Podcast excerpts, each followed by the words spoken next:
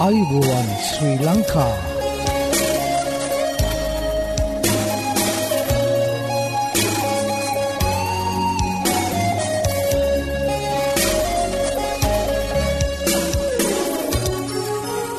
ඔබට සුපදස මේ ඇඩවෙන්ටිස්වර් radio බලාපොරොත්වය හඬයි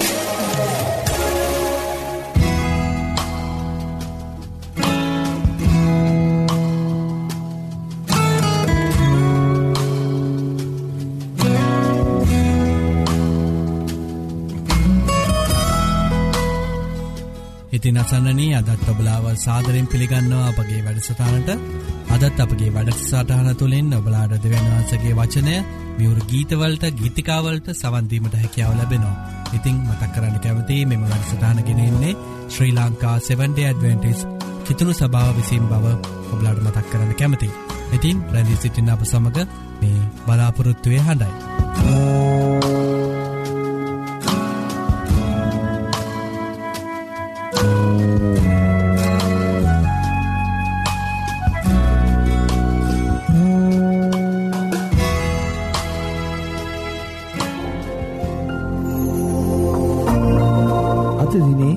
Bible පාටය මාගේ ආත්මය ස්වාමින්ට ප්‍රශංසා කරව. මාතුල ඇති සියල්ල උන්වහන්සේගේ ශුද්ධ වූ නාමයට ප්‍රශංසා කරව. මාගේ ආත්මය ස්වාමින්ට ප්‍රශංසා කරව.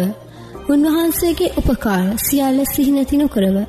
උන්වහන්සේ තාගේ සියලු අයිතිකම් කමා කරන සේක. තාගේ සියලු රෝග සුව කරන සේක. තාගේ ජීවිතය විනාශයෙන් මුදා කරුණා ගුණ හාදායාව නැමැති උටුන්නෙන් තා සරසන සේක. ගීතාවලිය එකසිය තුනේ එකේ සිට හතර දක්වා.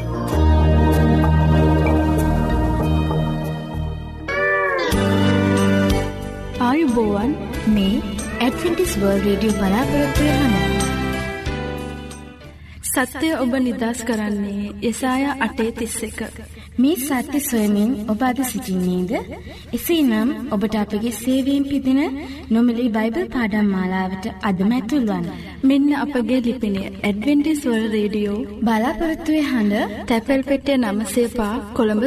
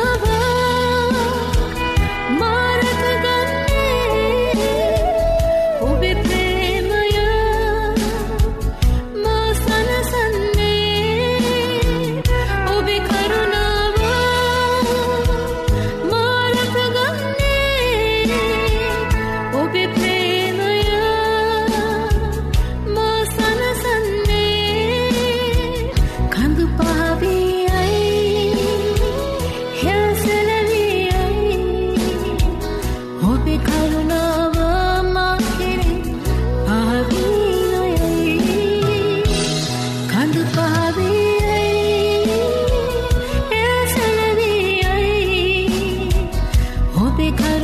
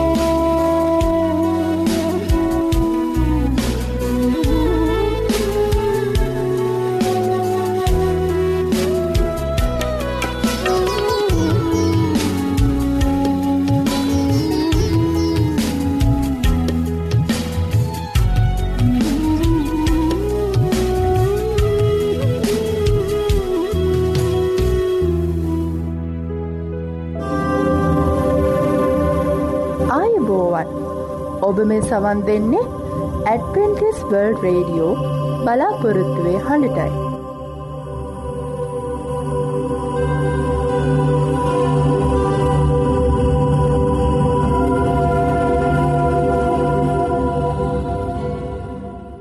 ධෛර්ය බලාපොරොත්තුව ඇදහිල්ල කරුණාවසා ආදරය සූසම්පත වර්ධනය කරමින් ආශ් වැඩි කරයි. මේ අත්හදා බැලිමිට ඔබ සූදානන්ද එසේනම් එකතුවන්න ඔබත් ඔබගේ මිතුරන් සමගින් සුවසතර පියමත් සෞඛ්‍ය පාඩම් මාලාවට. මෙන්න අපගේ ලිපිනේ ඇඩවෙන්ඩිස්වල් රේඩියෝ බලාපොරොත්තුවේ අඩ තැපැල් පෙටිය නම්සේ පා කොළඹ තුන්න. නැවතත් ලිපිනය ඇඩවෙන්ටිස්වර්ල් රේඩියෝ බලාපොරොත්තුවේ හඬ තැපැල් පෙටිය නමේ බිඳුවයි පහ කොළඹ තුන්න.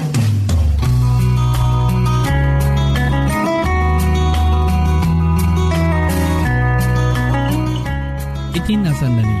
ඔබලාට ස්තුතිවන්ත වෙනවා අපගේ මෙම මැරිසටාන් සමඟ එක්වී සිටීම ගැන. ඇතින් අපි අදත් යොමුුවමු අපගේ ධර්මදේශනාව සඳහා. අද ධර්මදේශනාව ඔබ හටගෙනෙන්නේ විලීරීත් දේවගෙදතුමා විසින්. ඉතින් ඔහුගෙනන ඒ දේවවාක්‍යයට අපි දැන් යොමු රැඳි සිටින්න මේ බලාපොරොත්තුවය හඬ.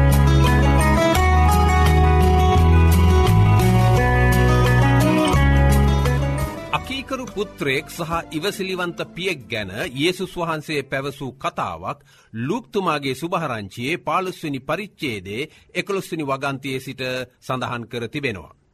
දෙවියන් වහන්සේගේ කොන්දේසිරහිත ප්‍රේමය පෙන්නුම් කරදීමට උන්වහන්සේ මේ කතාව වදාළ සේක. බයිබිලේ මෙන්න මේ විදිහට සඳහන් වී තිබෙනවා. තවද උන්වහන්සේ කියන සේක එක්තරා මනුෂ්‍යකුට පුත්‍රයෝද දෙනෙක් සිටියෝය.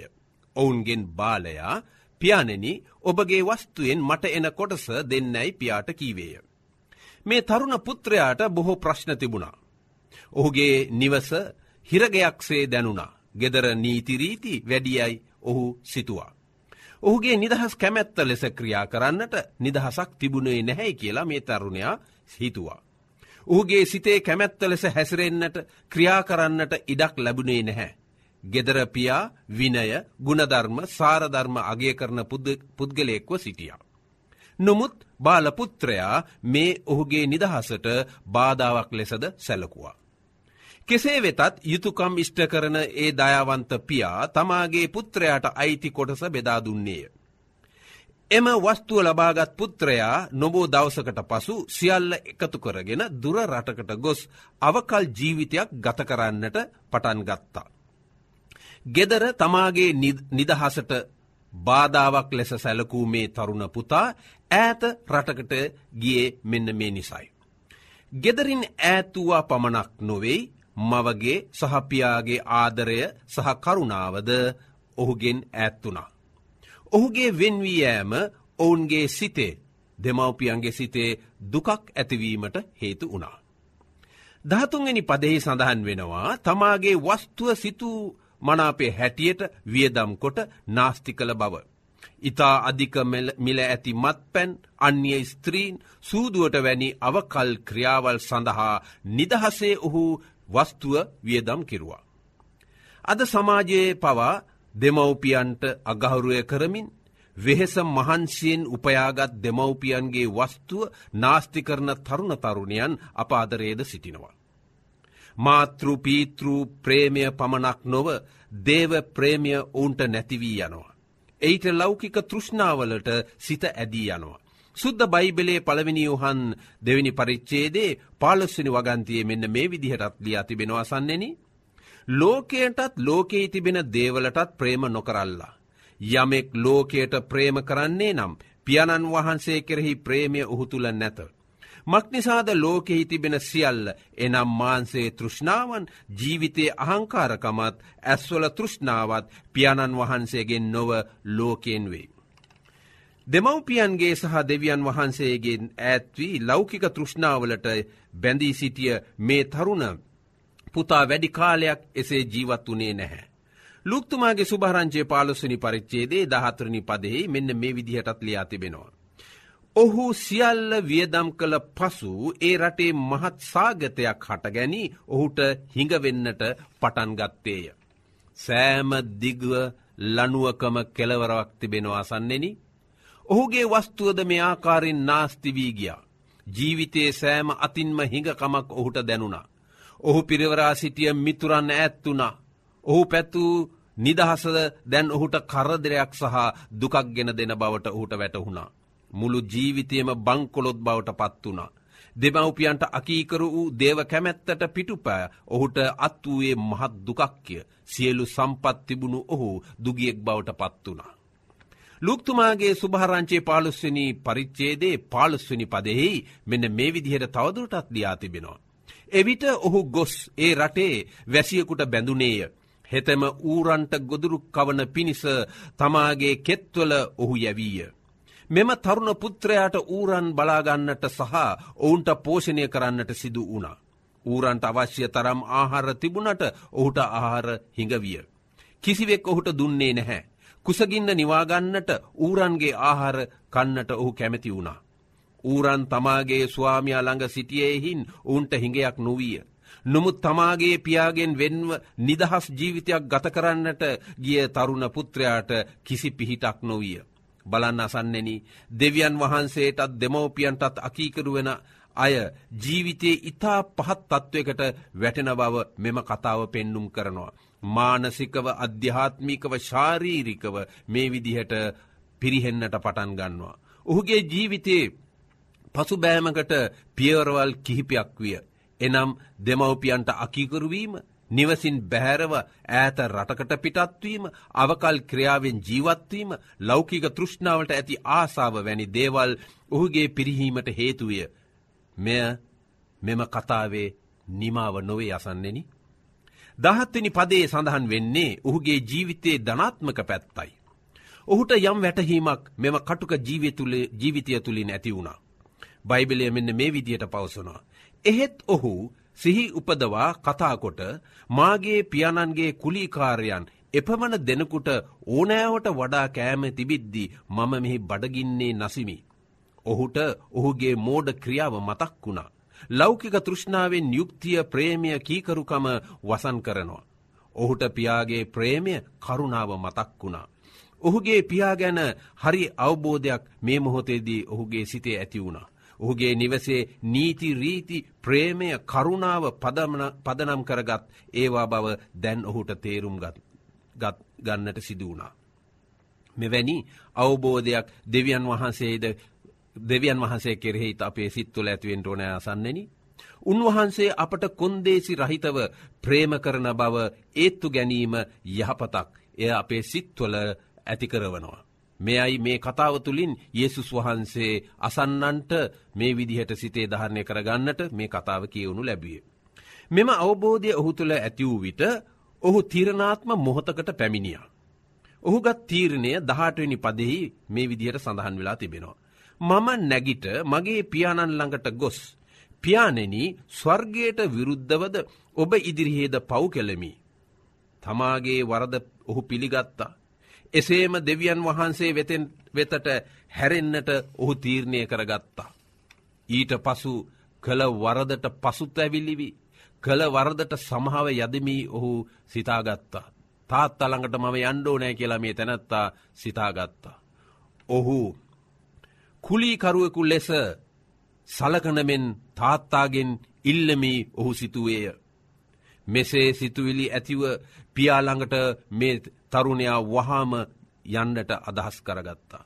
අපේ ජීවිතය වෙනසක් වෙන්නට නම් ක්‍රියාකාරි වෙන්නට ඕනෑ. ඔහු පියාවෙතට ඉක්මනින් ගියා.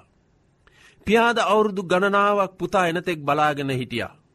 කාලයාගේ ඇවෑමෙන් ඒ පීතෘ සෙනහස අඩු උනේ නැහැ. විසිනි පදය මෙන්න මේ විදිහටත් සඳහන් කර තිබෙනවා. ඔහු දුරසිටියේදීම ඔහුගේ පියා ඔහු දැක අනුකම්පාවි දුවගෙන ගොස් ඔහුගේ බෙල්ල වැළඳගෙන ඔහු සිඹගත්තේය. වැරෑලි ඇඳි සිටියත් පියා ඔහු භාරගත්තා. පියාපුතාට දැක් වූ ආදරය දෙවියන් වහන්සේ අප කෙරේ ඇති ප්‍රේමය පෙන්නුම් කරනවා මෙන්න මේ කතාව තුළින්. පියාවස් පියා සමාව දුන්නාසේම දෙවියන් වහන්සේද අපගේ පව්වලට සමාව දෙනසේක. නැතිවී සිටි පුතෙක් පැමිණීම නිසා සියලු දෙනාම සතුටු වුණා. අපගේ අවකල් ක්‍රියා හඳුනාගෙන උන්වහන්සේ වෙතට පැමිණෙන විට උන්වහන්සේ අපව භාරගන්නාසේක. ඔබත් එන්න. ඇදහිල්ලෙන් එන්න. උන්වහන්සේ ඔබගේ ජීවිතය වෙනසක් ඇති කරන සේක. තෝරා ගැනීම ඔබගේ කැමැත්තයි. දෙවියන් වහන්සේ මේ ඔබ ගන්නාව තීරණයට උන්වහන්සේගේ ආශිරුවාද එක් කරන සේක්වා. අර කතාවේ පියා. තමාගේ දරුවා තමාගේ පුතා කෙරෙහි බොහෝ කාලයක් ඉවසිලිවන්තව ප්‍රේමයෙන් බලබලා සිටියා වගේම කොන්දේසි රහිතව අපගේ දිව්‍ය පියාණන් වහන්සේද උන්වහන්සේගෙන් ඈත්ව ගියා වූ යමෙක් ඇද්ද ආපහු එනතෙක් බලබලා සිටිනවා එයයි දෙවියන් වහන්සේගේ දිව්‍ය ප්‍රේමිය මෙන්න මේ ප්‍රේමය පෙන්නුම් කරනටයි මේ අකීකරු පුත්‍රයාගේ කතා වස්තුව ලුක්තුමාගේ සුභහරංචියයේ මේ විදියට සඳහන් වී තිබෙන්නේ. ඔබත් එන්න ස්වාමින් වහන්සේ වෙතට.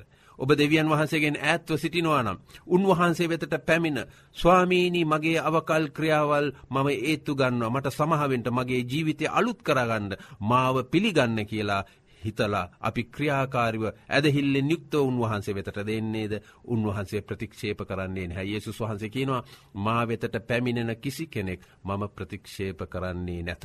මේ ආශිරුවාදය එවාගේම මේ අත්දැකීම ඔබටත් ලැබෙත්වා දෙවියන් වහන්සේගේ නිර්මල ප්‍රේමයෙන් ඔබගේ ජීවිතය අලුත්වෙත්වා.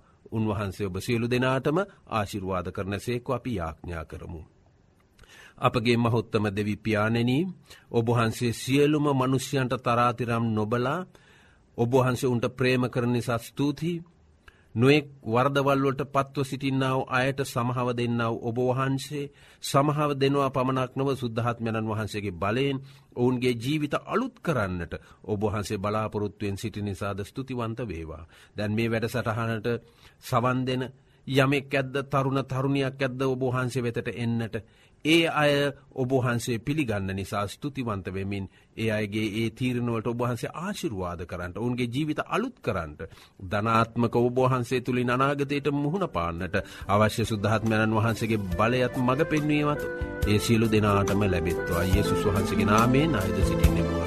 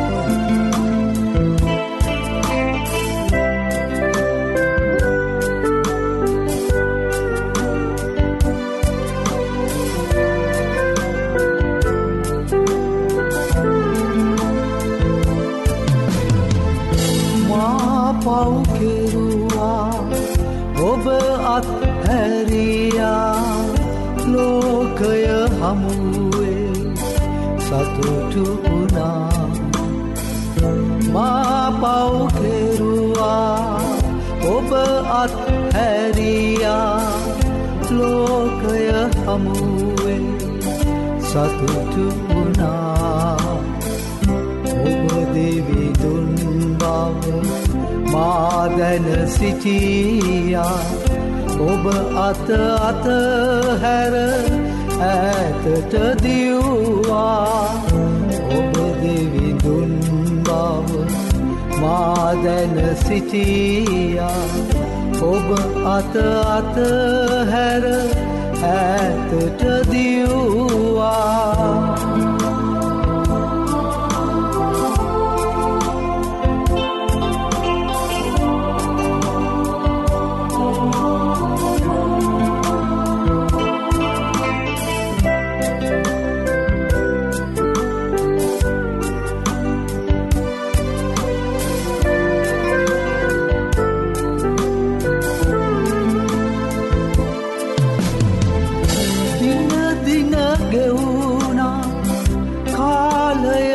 ගතවී ඔබගේ ප්‍රේමෙන් දුරටම ඇදුනා දිනදින ගෙවුනා කාලය ගතවී ඔබගේ ප්‍රේමෙන් දුරටම ඇදුනා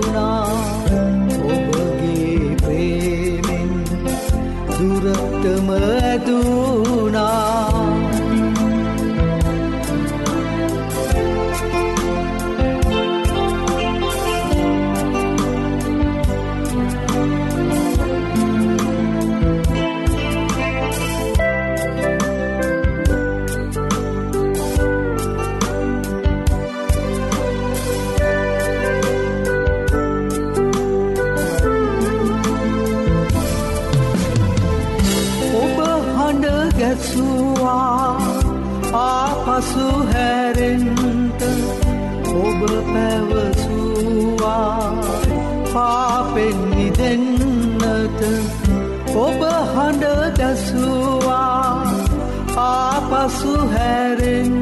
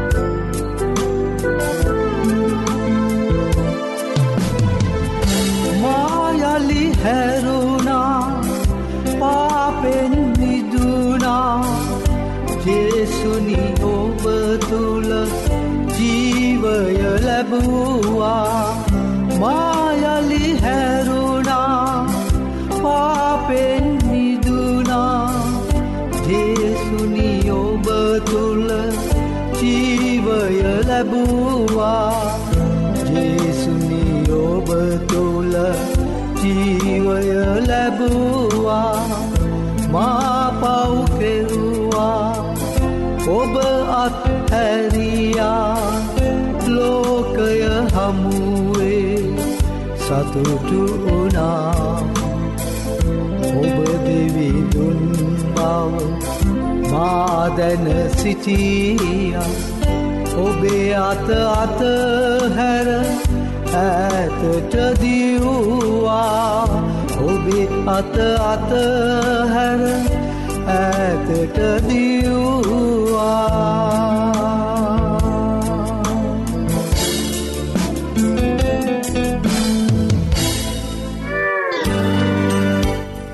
ආයුබෝවන් මේ ඇඩ්වෙන්ටිස් වර්ල් රේඩියෝ බලාපොරොත්තුවය හන. සත්‍යය ඔබ නිදස් කරන්නේ යසාය අටේ තිස්ස එක. මේ සත්‍ය සොයමින් ඔබ අද සිසිින්නේද. එසේ නම් ඔබට අපගේ සේවීම් පිදින නොමලි බයිබල් පාඩම් මාලාවට අදමැතුල්වන්. මෙන්න අපගේ ලිපිනේ ඇඩවෙන්ටිස්වල් රේඩියෝ බලාපොරොත්තුවය හඬ තැපැල් පෙටිය නමසේපා කොළඹ දුන්න. අපේ මෙ වැඩසටාන තුළින් ඔබලාට නොමිලේ ලබාගත හැකි බයිබල් පාඩං හා සෞඛ්‍ය පාඩම් තිබෙනවා. ඉතිං ඔබලා කැමතිනං ඒවට සමඟ එක්වෙන්න අපට ලියන්න. අපගේ ලිපින ඇඩවෙන්ටිස් වර්ල් රඩියෝ බලාපොරොත්තුවය හඬ තැපැල් පෙට්ටිය නොමසය පහ කොළඹ තුන්න මම නැවතත් ලිපිනීමතක් කරන්න ඇඩවෙන්ටිස් වර්ල් රඩියෝ බලාපොරොත්තුවය හඬ තැපැල් පෙට්ටිය නමසය පහ කොළඹ තුන්න ඒවගේ මොබලාට ඉත්තාමත් සූතිවන්ත වෙනවා අපගේ මෙම වැඩසටාන දක්කන්නව ප්‍රතිචාර ගැන. අපට ලියන්න අපගේ මේ වැඩසටාන් සාර්ථය කර ගැනීමට බලාගේ අදහස් හා යෝජනාවට අවශ්‍ය. අදත් අපගේ වැඩසටානය නිමාව කරාලඟාව තිබෙනවා. ඉතිං පුරා අඩහෝරාව කාලයක් අප සමඟ රැඳී සිටිය ඔබට සූතිවන්ත වෙන අතර හෙටදිනියත් සුපුරෝධ පරිතු සුපුරුදු වෙලාවට හමුවීමට බලාපොරොත්තුවයෙන් සමුගන්නාම ප්‍රස්ත්‍රියකනායක ඔබට දෙවියන් වහන්සේගේ ආශිර්වාදය කරුණාව හිමියේවා.